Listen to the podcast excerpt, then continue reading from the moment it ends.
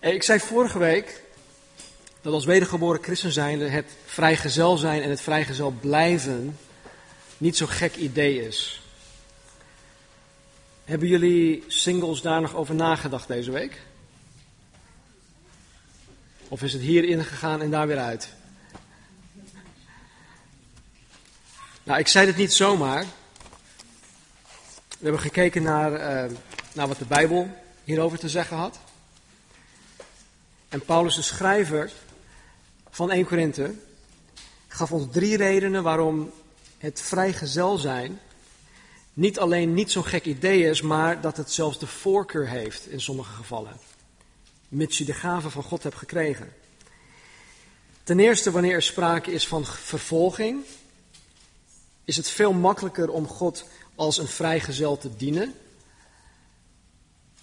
hebben we het vorige week vrij um, um, uitgebreid over gehad.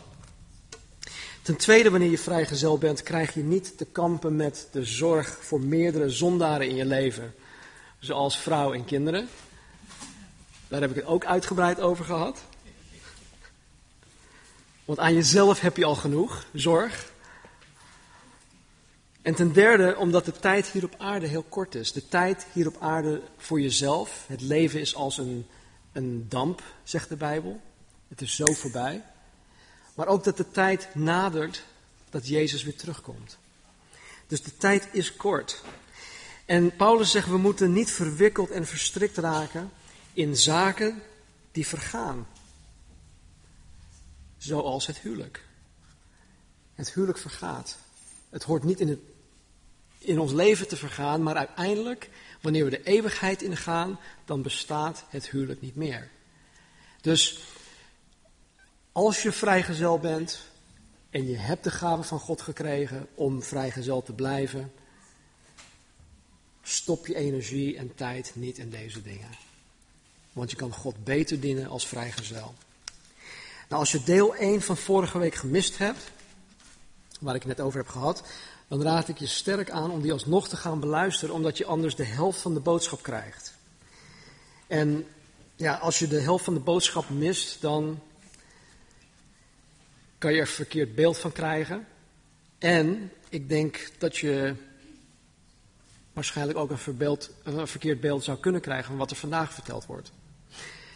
Nou, zoals ik vorige week zei, was de boodschap van vorige week deel 1 van 2. En deel 1 schetste voor ons de achtergrond voor de boodschap van vandaag, deel 2. En vanmorgen in deel 2 zullen we de achterliggende gedachten van Paulus gaan ontdekken. We zullen zijn motivatie gaan zien. Zijn beweegreden om Gods kinderen aan te raden om vrijgezel te blijven. Want hij doet dat niet zomaar. Hij heeft iets voor ogen. En we hebben wel naar een aantal redenen gekeken. Maar die redenen zijn, zijn geen doel op zichzelf. God heeft, of Paulus en God, heeft iets veel groter en belangrijker voor ogen. En dat gaan we vandaag ontdekken. En trouwens, deze beweegreden van Paulus is niet alleen bestemd voor de vrijgezellen. Het is voor ieder kind van God, op elke wedergeboren christen van toepassing. Dus ben je wedergeboren, ben je kind van God, dan is dit wat wij vandaag gaan bespreken voor jou. Of op jou van toepassing. Nou, het is voor een ieder noodzakelijk. Het is niet iets, zoals ik in het begin al zei, dat het hierin hoort te gaan en daar weer uit. Het is essentieel wat we vandaag gaan bespreken, waar we vandaag naar gaan kijken. En zoals Johannes ook in Openbaring schrijft, hij zegt wie oren heeft, laat hij horen wat de geest tot de gemeente zegt. Dus mijn gebed, mijn verlangen, is dat je heel fijngevoelig bent voor wat God aan jou vanmorgen te vertellen heeft. Het kan bepalend zijn wat je ermee doet voor de rest van je leven hier op aarde. Hoe lang of hoe kort dat nog kan zijn of zal zijn. Laten we eerst onze Bijbels openslaan op Matthäus hoofdstuk 4. Matthäus hoofdstuk 4. En ik lees uit vanuit de herziene statenvertaling. Matthäus hoofdstuk 4, vers 1.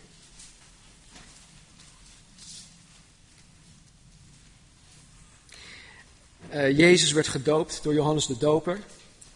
Nadat hij uit het water kwam, opende de hemel. God sprak, dit is mijn zoon. De Heilige Geest daalde neer op Jezus Christus. Dus hij werd niet alleen gedoopt in het water, hij werd meteen ook gedoopt met de Heilige Geest. En dan staat er dit. Toen werd Jezus, nadat hij gedoopt werd, door de Geest weggeleid naar de woestijn om verzocht te worden door de duivel. En nadat hij veertig dagen en veertig nachten gevast had, kreeg hij tenslotte honger. En de verzoeker kwam bij hem en zei: Als u Gods zoon bent, zeg dan dat deze stenen broden worden. Maar Jezus antwoordde en zei: Er staat geschreven: De mens zal van brood alleen niet leven, maar van elk woord dat uit de mond van God komt. Toen nam de duivel hem mee naar de heilige stad en plaatste hem op het hoogste gedeelte van de tempel. En hij zei tegen Jezus: Als u de zoon van God bent, werp uzelf dan naar beneden. Want er staat geschreven dat hij zijn engelen voor u bevel zal geven en dat zij u op de handen zullen dragen, opdat u uw voet niet misschien aan een steen stoot. Of met andere woorden, zodat u niet te pletter valt. Jezus zei tegen de Satan, er staat eveneens geschreven, u zult de Heer uw God niet verzoeken. Opnieuw nam de duivel hem mee, nu naar een zeer hoge berg, en hij toonde hem al de koninkrijken van de wereld en hun luister. En zei tegen Jezus, dit alles zal ik u geven als u knielt en mij aanbidt. Dus de Satan die, die, die zegt als het ware, Jezus, ik zal jou de wereldleider maken. Van alles, de hele wereld. Het Midden-Oosten, Azië, Europa, de Verenigde Staten, Zuid-Amerika, alles. Ik zal je de, de, wereldleider maken als je mij aanbidt en voor mij knielt. En toen zei Jezus tegen hem, ga weg Satan, want er staat geschreven, de Heere uw God zult u aanbidden en hem alleen dienen. En toen liet de duivel hem gaan en zie, er kwamen engelen naar hem toe en die dienden hem. Tot zover. Nou, hou dat even vast, als dat mogelijk is, want we komen daar straks nog op terug. Maar we pakken het nu even op bij 1 Korinthe hoofdstuk 7, vers 32.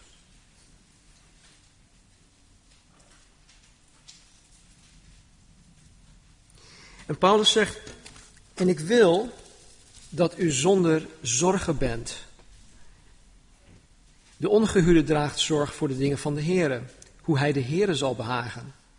Wie echter gehuurd is, draagt zorg voor de dingen van de wereld, hoe hij zijn vrouw zal behagen. Er is onderscheid tussen de gehuurde vrouw en het meisje dat nog maagd is. De ongehuurde draagt zorg voor de dingen van de Heer, om zowel naar lichaam als naar geest heilig te zijn. Zij echter, die gehuurd is, draagt zorg voor de dingen van de wereld, hoe zij haar man zal behagen.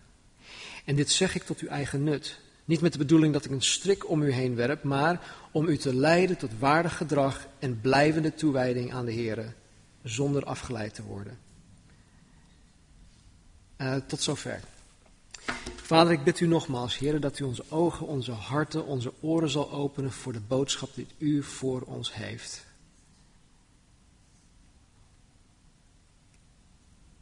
Help ons, Heer, om alert te zijn om scherp te zijn, om oplettend te zijn. Help ons om niet uh, ja, te suffen of afgeleid te worden. Maar help ons, Heer, om, uh, om attent te zijn vanmorgen. In Jezus' naam. Amen. In vers 32 zegt hij: Ik wil dat u zorgen, zonder zorgen bent. Hij zegt: Ik wil dat de vrijgezellen zonder zorgen zijn. Hij bedoelt hier niet dat zij een zorgeloos leven zouden gaan leiden. Maar dat hij niet wil dat zij volledig in beslag genomen worden door hun eventuele huwelijk. Nou, om dat te kunnen begrijpen moet je teruggrijpen naar vorige week. Maar hij wil dus niet dat zij uh, in beslag worden genomen of volledig in beslag worden genomen door een eventuele huwelijk. De christen die vrijgezel is, is veel beter in staat om zich volledig te geven aan het dienen van de Heer. Hij kan zich volledig geven aan het werk van de Heer, want hij heeft veel meer vrijheid dan een getrouwd persoon. Hij kan gaan en staan, waar en wanneer hij maar wil. Want hij hoeft geen rekening te houden met een echtgenote en met kinderen. In die zin is hij aan niemand gebonden. Dus de christen die vrijgezel is, kan zich volledig richten op het dienen van de Heer en hoe hij God kan behagen. En niet zijn partner. Vers 33. Wie echter gehuwd is, draagt zorg voor de dingen van de wereld. Hoe hij zijn vrouw zal behagen. De getrouwde christen is verdeeld in zijn toewijding. De getrouwde christen is verdeeld in zijn toewijding. Aan de ene kant wil hij en hoort hij volledig toegewijd te zijn aan God. Hij wil en hoort zich volledig te geven aan zaken die eeuwigheidswaarde hebben. En de dingen van Gods koninkrijk. En dat hoort ook zo. Maar aan de andere kant wil hij en hoort hij ook toegewijd te zijn aan de zaken van de wereld. Het aardse, het huwelijk, zijn vrouw. Ik heb het nu niet over wereldse dingen, maar ik heb het over het huwelijk, wat een aards iets is, dat in de eeuwigheid zal vergaan. Dus hij hoort toegewijd te zijn aan het aardse, het huwelijk, zijn vrouw. De man hoort toegewijd te zijn aan zijn vrouw en aan zijn huwelijk. Punt uit. Dus de getrouwde christen geeft zich aan het wereldse, ofwel het aardse, het huwelijk, hè, dat vergankelijk is. En hij geeft zich tegelijkertijd aan het eeuwige, het hemelse, dat, dat nooit zal vergaan. Hij geeft zich aan beide. En omdat de getrouwde christen verdeeld is in zijn toewijding, is zijn levenssituatie per definitie veel moeilijker. Het is gewoon zo. En dit is waarom Paulus zegt dat hij wil dat zij zonder zorgen zijn. En nogmaals, geen zorgeloos leven, maar zonder de zorg van hun eventueel huwelijk. Trouwens, Paulus zegt dit niet om het huwelijk af te keuren of om de getrouwde christen af te keuren. Hij, hij heeft niet zoiets van, ja, jongen, jongen, jullie, al jullie getrouwde christen, potverdorie, ik heb niks aan jullie. Jullie zijn zo verdeeld in je, in je, in je toewijding. Wat moet ik nou met jullie? Nou, dat zegt hij dus niet. Hij keurt het niet af. Hij zegt dit juist omdat het zo hoort te zijn dat ze aandacht moeten besteden aan hun vrouw. In Efeze 5 zegt Paulus dat de man zijn vrouw lief hoort te hebben, zoals Jezus Christus zijn gemeente lief heeft. Dat is een hele andere studie op zichzelf.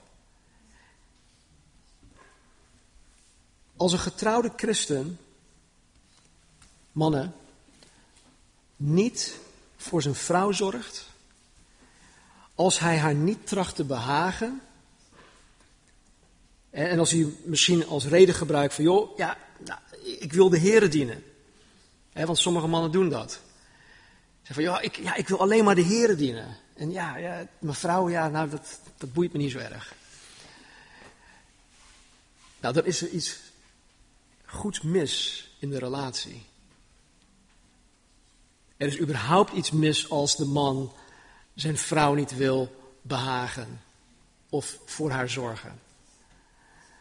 Maar je mag absoluut niet de excuus gebruiken om te zeggen van ja, maar God heeft mij geroepen om dit te doen. En ik zie jou, ja, ik zie jou eigenlijk als een blok aan mijn been. Nee, dat is niet de bedoeling. Vers 34. Er is onderscheid tussen de gehuurde vrouw en het meisje dat nog maagd is. De ongehuurde draagt zorg voor de dingen van de Heer om zowel naar lichaam als naar geest heilig te zijn. Zij echter die gehuurd is, draagt zorg voor de dingen van de wereld. hoe zij haar man zal behagen. Nou, hier zegt Paulus precies hetzelfde, alleen heeft hij het hier over de vrouwen in plaats van de mannen. Maar hij voegt wel iets toe. Hij zegt dat de ongehuwde vrouw zorg draagt voor de dingen van de Heer om zowel naar lichaam als naar geest heilig te zijn. Hij zegt hiermee niet dat de ongehuwde vrouw wezenlijk meer rechtvaardig of meer trouw is aan, aan de Heer dan een gehuwde vrouw. Maar hij zegt simpelweg dat de vrijgezel niet gebonden is. Een vrijgezelle vrouw, een alleenstaande vrouw, is niet gebonden, waardoor ze zichzelf gemakkelijker kan afzonderen voor de Heer. Het woord heilig betekent hier niet, uh, niet uh, iets met, dat het met, met iets moreels heeft te maken. Hè, van de ene is heiliger dan de andere, maar het heeft gewoon te maken met afzondering. Afzondering. Ik ben apart gezet. Dus de vrouw uh, die vrijgezel is, is, voor haar is het makkelijker, makkelijk, makkelijker, meer makkelijk, om zichzelf apart te zetten voor de dienst van de Heer dan iemand die getrouwd is. Marnie en ik die praten wel eens over, um, over onze toekomst. Stel dat de Heer mij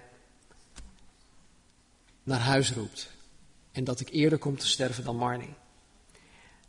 Nou, vraag maar na de dienst wat haar ideeën hierover zijn. Maar wat, wat, wat wij met elkaar altijd bespreken, nou, ze zegt van joh, als jij, als jij naar huis toe gaat, als jij eerder sterft dan ik, dan ga ik niet meer trouwen. Dan wil ik volledig de Heeren dienen. Ik wil niets meer, ja, ik, wil niets meer met mannen te maken hebben, dat, dat ook niet, maar ze zegt ik wil niet meer gebonden zijn aan een man.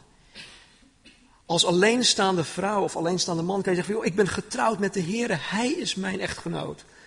Hij is mijn allerbeste vriend, Hij is mijn alles. Dus de Heer kan de plaats innemen van je echtgenoot of echtgenote.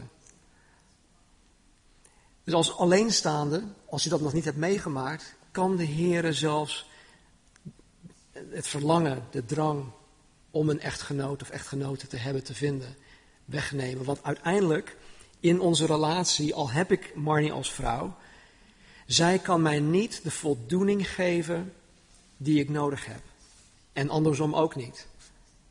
Haar waarde, haar identiteit in Christus is niet door mij, dat is door haar relatie met Jezus. En mijn voldoening en mijn identiteit in Christus is niet doordat ik met haar getrouwd ben. Natuurlijk is het geweldig dat we samen zijn, maar mijn leven bestaat niet uit mijn relatie met Marnie. Het bestaat uit mijn relatie met Jezus.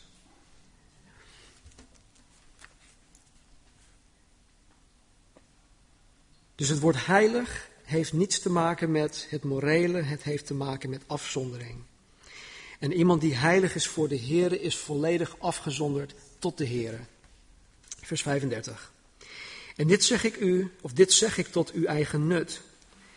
Niet met de bedoeling dat ik een strik om u heen werp, maar om u te leiden tot waardig gedrag en blijvende toewijding aan de Heer, zonder afgeleid te worden.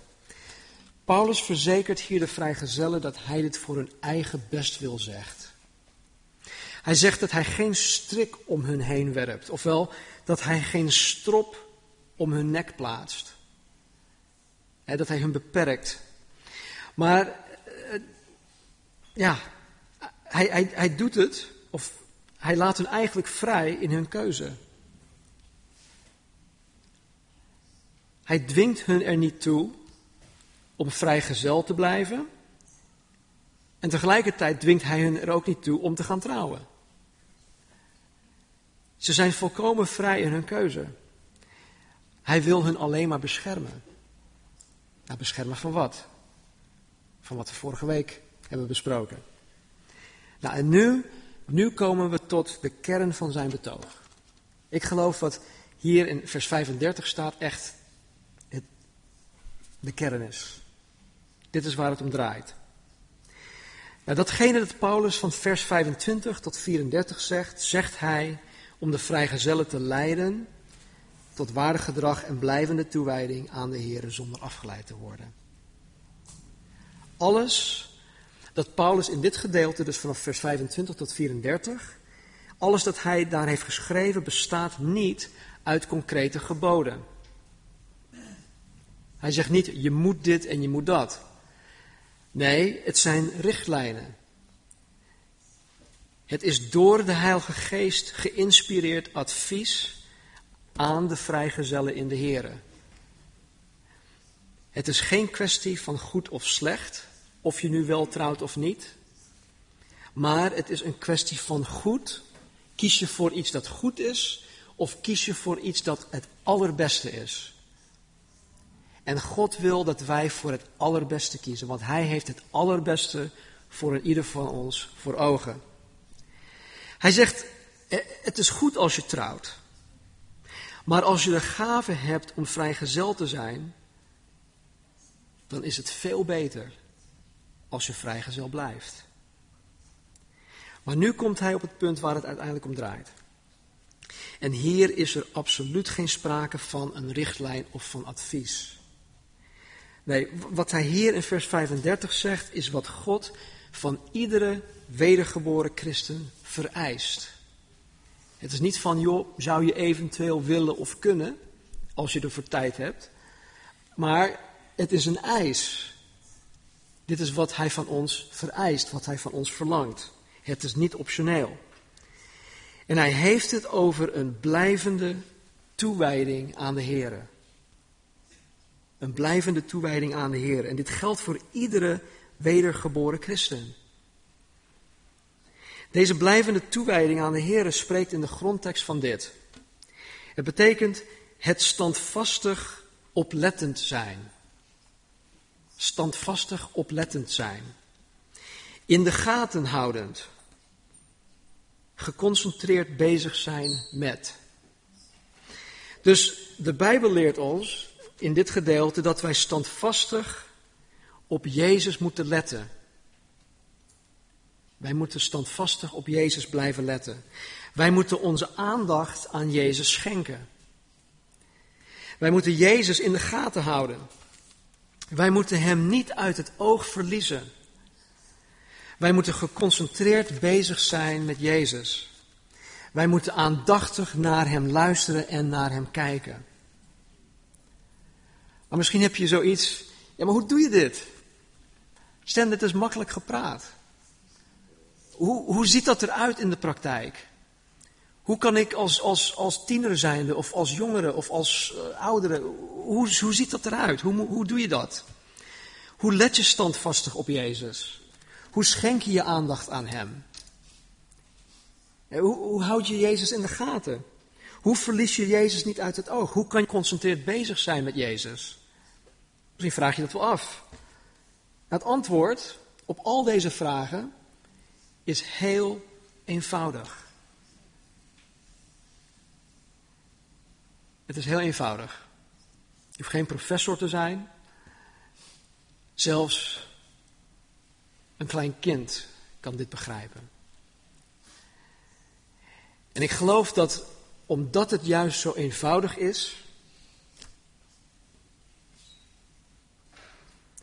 om het even plat te zeggen, vertikken wij het om erin standvastig te zijn. Om erin standvastig te blijven.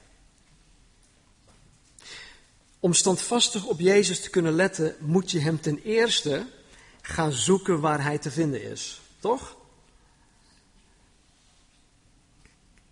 Om aandacht aan Jezus te schenken, om geconcentreerd bezig te zijn met Jezus, moet je tijd met Hem spenderen. Om Jezus in de gaten te houden en Hem niet uit het oog te verliezen, moet je Hem ten eerste vinden. Oké, maar waar is Jezus te vinden? Nog een vraag. Waar vind ik Jezus dan? Hier? In de breedte? Of in dat andere gebouw, in de bungalow misschien?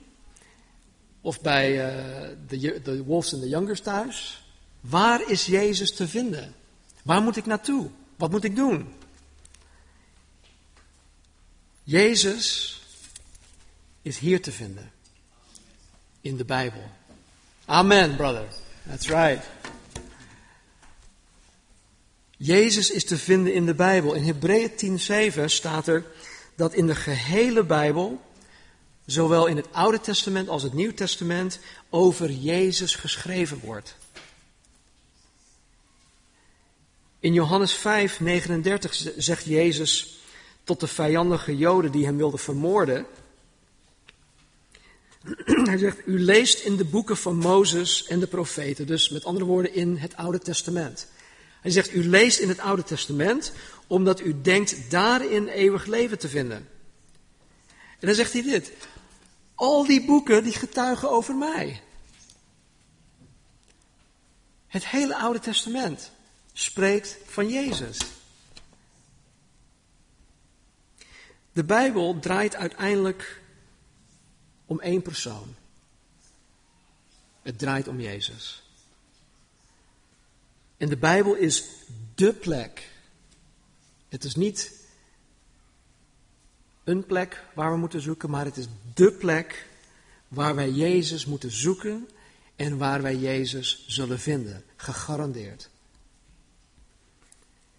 Dus om jezelf aan Jezus blijvend toe te wijden, moet je Hem zoeken en vinden door je Bijbel te lezen. Door je Bijbel te bestuderen.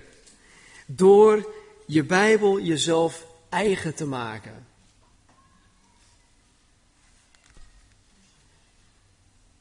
Meeste christenen lezen meer boeken die iets over de Bijbel vertellen dan de Bijbel zelf. En alhoewel een goed boek, die gegrond is in de Bijbel, heel waardevol kan zijn. Ik lees zelf ook boeken. Kan het niet de plaats innemen van de Bijbel zelf. Wij zijn, de eerste twee jaar hebben wij een studie gedaan in, in het boek Handelingen. En de bedoeling was dat wij gingen kijken naar het model van de eerste gemeente, zodat wij die konden navolgen. En dat willen wij navolgen. Nou, er zijn tig boeken geschreven over welk model je als kerk moet volgen, uh, wat de kerk is, wat je moet doen, uh, nou, noem maar op. En sommige van die boeken zijn heel goed. Die zijn ook behulpzaam. Maar we moeten altijd terugkomen tot de basis, de kern. Het model. Dus waar vinden we Jezus? Even een vraag, je hoeft het niet te beantwoorden. Denk even aan je thuissituatie. Waar heb je je Bijbel liggen? Waar heb je je Bijbel liggen? Wat is voor jou makkelijker te vinden? Je Bijbel of je mobieltje?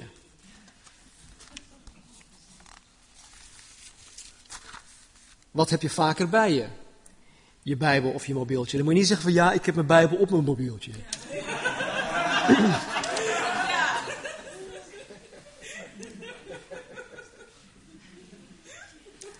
Nee. Want weet je, ik heb zoveel programma's op mijn telefoon waar ik nooit naar kijk. Ik heb zoveel verschillende Bijbelprogramma's op mijn computer staan die ik nooit gebruik. Dus dat wil ik nu meteen uit de wereld helpen, die gedachte. Get thee behind me, Satan.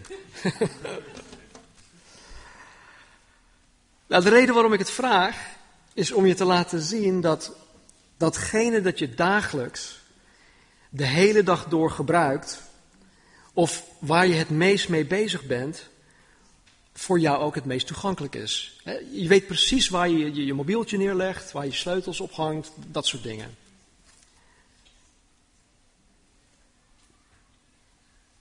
Weet je ook altijd waar je Bijbel ligt? Nou, ik weet zeker van degenen die hun mobieltjes dagelijks gebruiken,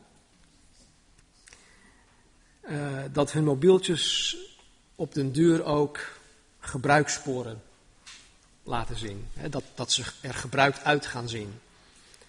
Nou, tegenwoordig heb je van die mooie hoesjes eromheen en je bent heel voorzichtig, vooral met de iPhone, hè, die 800 euro kost, ben je heel voorzichtig mee. Dus eh, als je fanatiek bent, dan kan het zijn dat het na een jaar nog splinternieuw eruit ziet. Maar even al die dingen terzijde. Normaal gesproken, als je iets gebruikt, dan ziet het er gebruikt uit. het is eigenlijk hetzelfde met jullie die nog op de middelbare school zitten. Wat gebeurt er met je splinternieuwe agenda waarmee je dagelijks bezig bent? Als het goed is, hebben jullie al je agenda voor het komende schooljaar. Toch? Nou, ik, ik durf te zeggen dat je agenda er nu nog heel mooi uitziet. Nog puntgaaf, nog ja, onbevlekt, uh, niet gescheurd of whatever. Maar aan het eind van het schooljaar ziet het er niet meer zo uit. Misschien heb je het niet eens meer aan het eind van het schooljaar. Het zit vol met aantekeningen, de bladzijden zijn gekreukt of gescheurd. Aan de kaft kan je duidelijk merken dat er dagelijks, of dat je er dagelijks mee bezig bent geweest. Je hebt dagelijks in je, in je agenda gezeten. Nog een vraag, hoe zien jullie Bijbels eruit? Die je misschien al tien jaar lang hebt. Ziet hij er nog splinternieuw uit?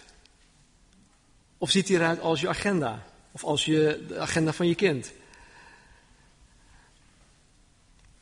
Zijn de gebruikssporen aanwezig? Of is het iets dat je ja, misschien op zondagochtend van de plank afhaalt, mee naar de kerk neemt, je komt thuis en je legt hem weer op de plank? Kijk, ik wil geen schuldgevoelens opleggen. Hè? En misschien ben je heel zuinig op je Bijbel.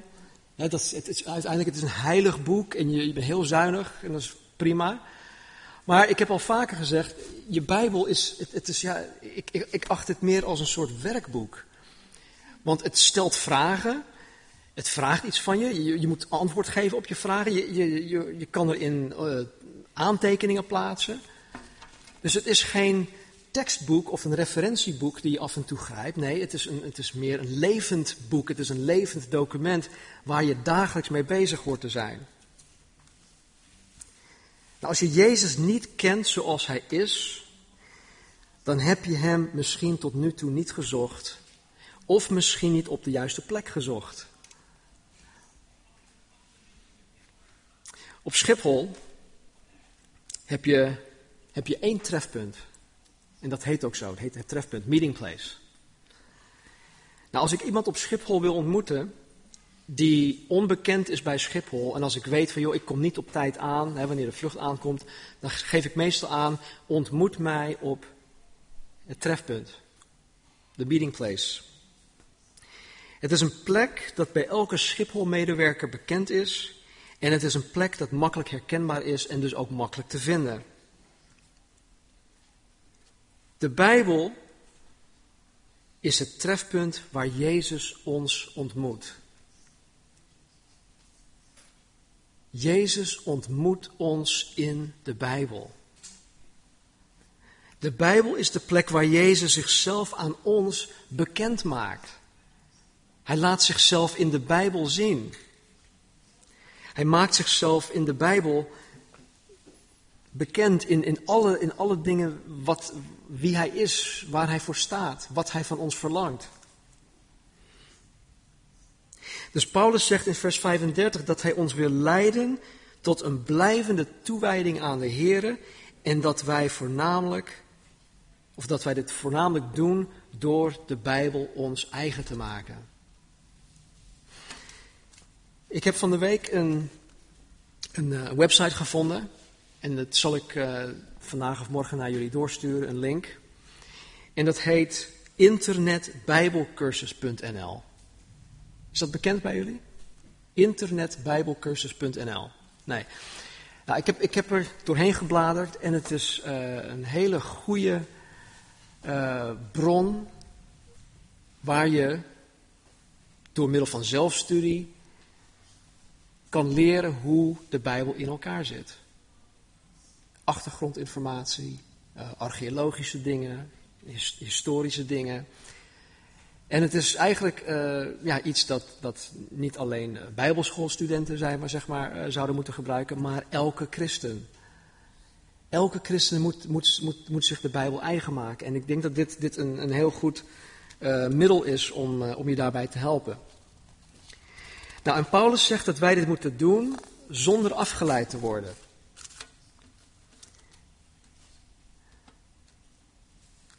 Als hij zegt dat wij dit moeten doen zonder afgeleid te worden, dan betekent dat dat wij afgeleid kunnen worden. En af, afgeleid of afleiden betekent hier dat je in verschillende richtingen wordt getrokken. Vooral naar zaken in de omgeving. Wie van ons wordt nou niet afgeleid van onze blijvende toewijding aan de Heer? Iedereen, bij allemaal. Ik word dagelijks afgeleid van mijn toewijding aan de Heer.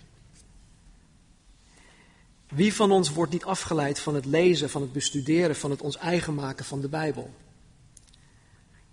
Je vindt altijd wel weer iets anders of beters of meer belangrijk te doen. Waar het gaat om onze toewijding aan de Heer, zijn er zoveel dingen die ons tegenwerken, die ons afleiden. En het resultaat van de afleiding is verschrikkelijk. Het is verschrikkelijk.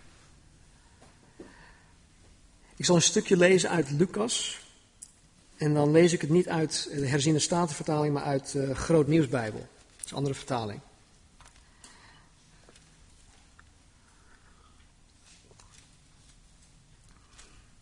Ben zo klaar. Uit alle steden kwam men naar Jezus toe een hele menigte stroomde samen en hij vertelde deze gelijkenis. Iemand ging zijn land op om te zaaien. Bij het zaaien viel een gedeelte langs de weg, waar het werd vertrapt en vogels het opaten. Een ander deel viel op rotsige grond en toen het opkwam, verdorde het bij gebrek aan vocht. Weer een ander deel kwam tussen de distels terecht, de, doornen. De distels groeiden tegelijk met het zaad op en verstikte het. De rest van het zaad viel in goede grond en toen het was opgekomen, bracht het honderdmaal zoveel op. I'm sorry, it's Luke 8, 4 through 15. En luid voegde Jezus eraan toe: Wie oren heeft, moet ook luisteren. Nou, de discipelen vroegen aan Jezus wat hij met deze gelijkenis bedoelde. Ze snapten er niks van. Hij zegt: Dit betekent de gelijkenis. Het zaad is het woord van God. Wat langs de weg viel, dat zijn zij die Gods woord gehoord hebben. Maar dan komt de duivel en neemt het uit hun hart weg om te verhinderen dat ze geloven en daardoor worden gered. Dus hij blokkeert het, de Satan.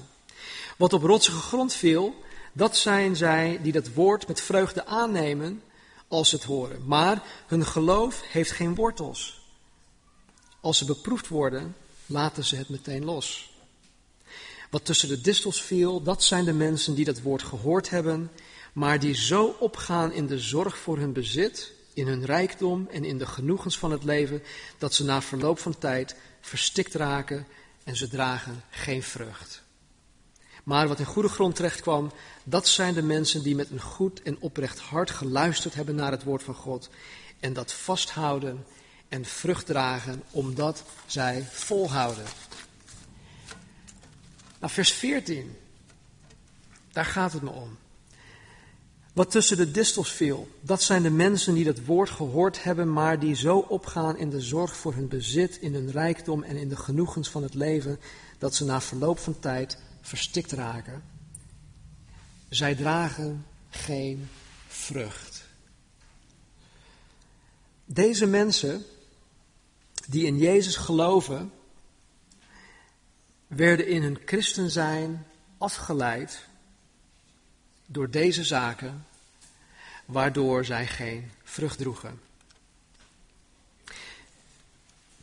Ik ben ervan overtuigd dat een van de hoofdredenen dat christenen niet groeien in hun toewijding aan de Heer, is dat ze afgeleid worden.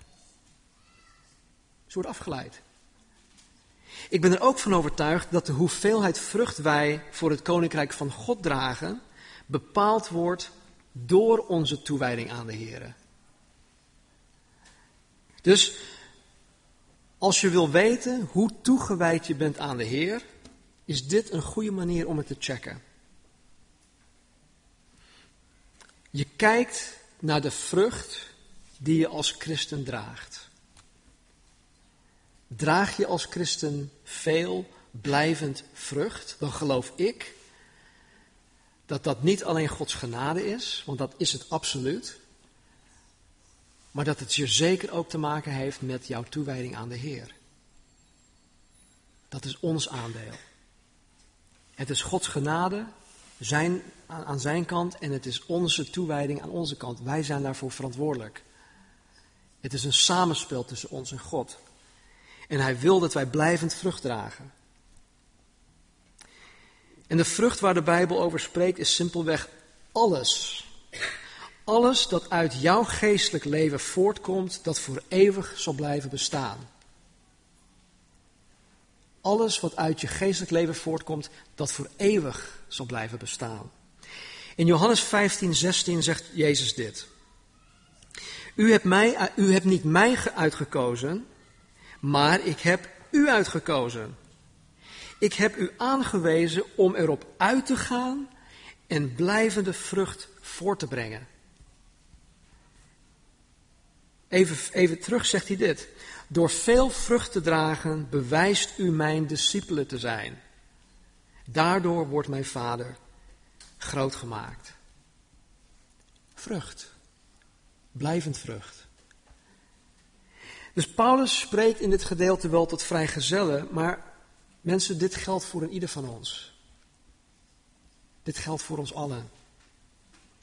Nou, wat staat je vanmorgen in de weg om te groeien in jouw toewijding aan de Heer? Wat belemmert jou? Nou, ik geloof dat de Heilige Geest tot een ieder van, van ons vanmorgen gesproken heeft. En dat Hij precies heeft aangewezen wat jou op dit moment in je leven belemmert. Want daar is Hij een kei in. Dat doet Hij het beste. Beter dan wie dan ook. Maar je moet daar oor naar hebben. Daarom zei Jezus ook, die oren heeft, luister. Ik ga niet allerlei voorbeelden opnoemen om jullie te vragen van, joh, misschien word je hierdoor afgeleid. Laat de geest tot jou spreken. Je weet donders goed wat jezelf in de weg staat om te groeien in je toewijding aan de Heer. Toen Satan Jezus in de woestijn verzocht, in dat stukje in Matthäus hoofdstuk 4, trachtte Satan Jezus te verleiden. En niet zo'n beetje ook.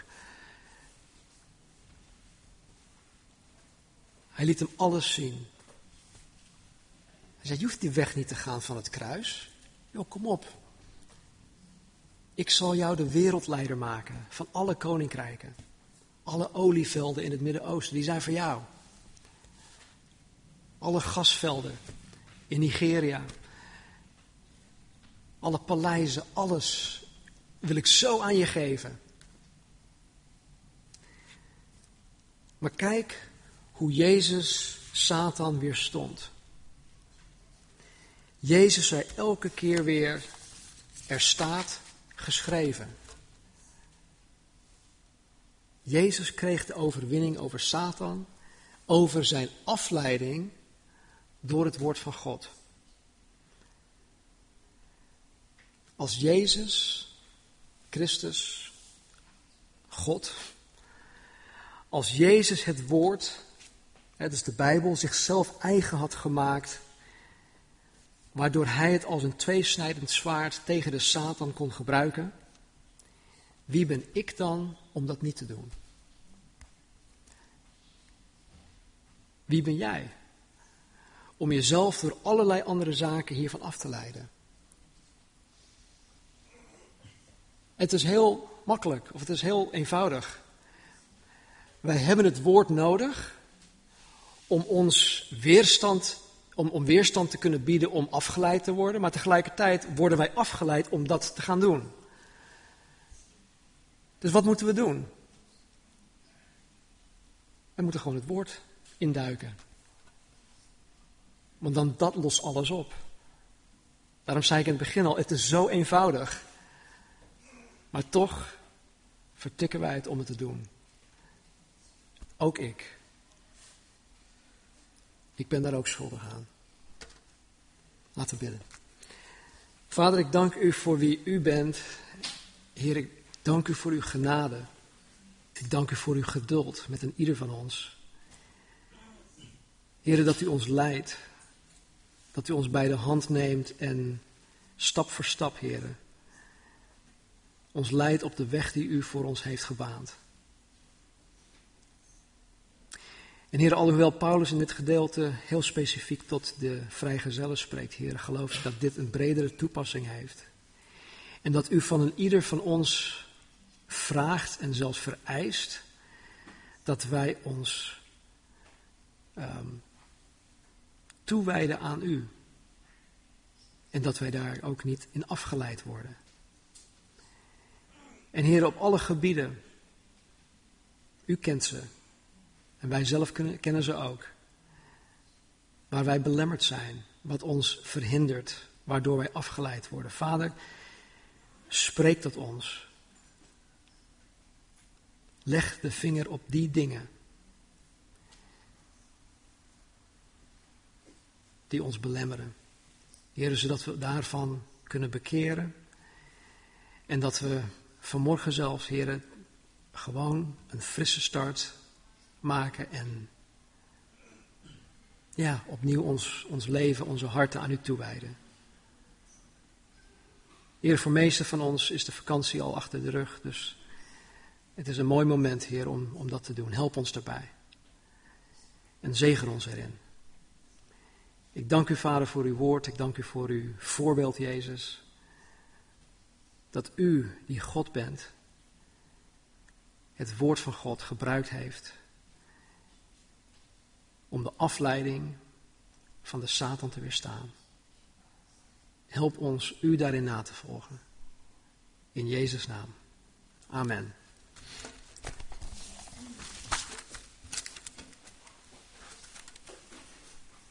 Laten we staan.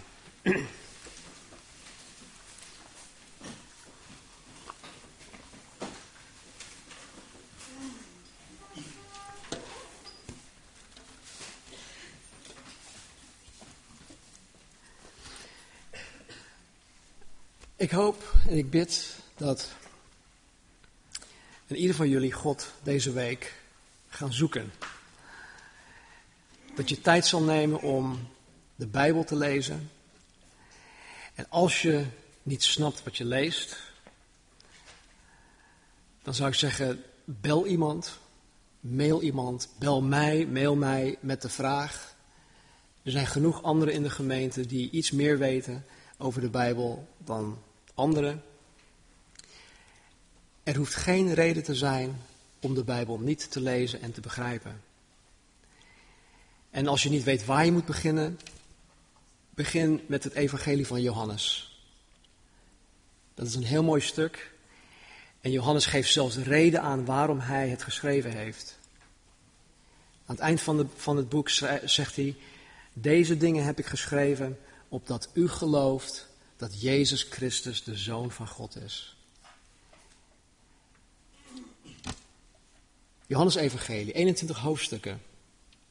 Je hebt het binnen een, eh, een uurtje heb je dat uitgelezen. Waar kan je inkorten? Wat kan je, na, wat kan je laten deze week? Om een uur of een half uur per dag aan Jezus Christus te besteden om Hem te zoeken. Hij zal je gigantisch groot um, rewarden. Wat is dat? Belonen. Gegarandeerd. Nou, God zegen jullie. En uh, wees ook een zegen voor elkaar. En voor degenen die Jezus Christus nog niet kennen.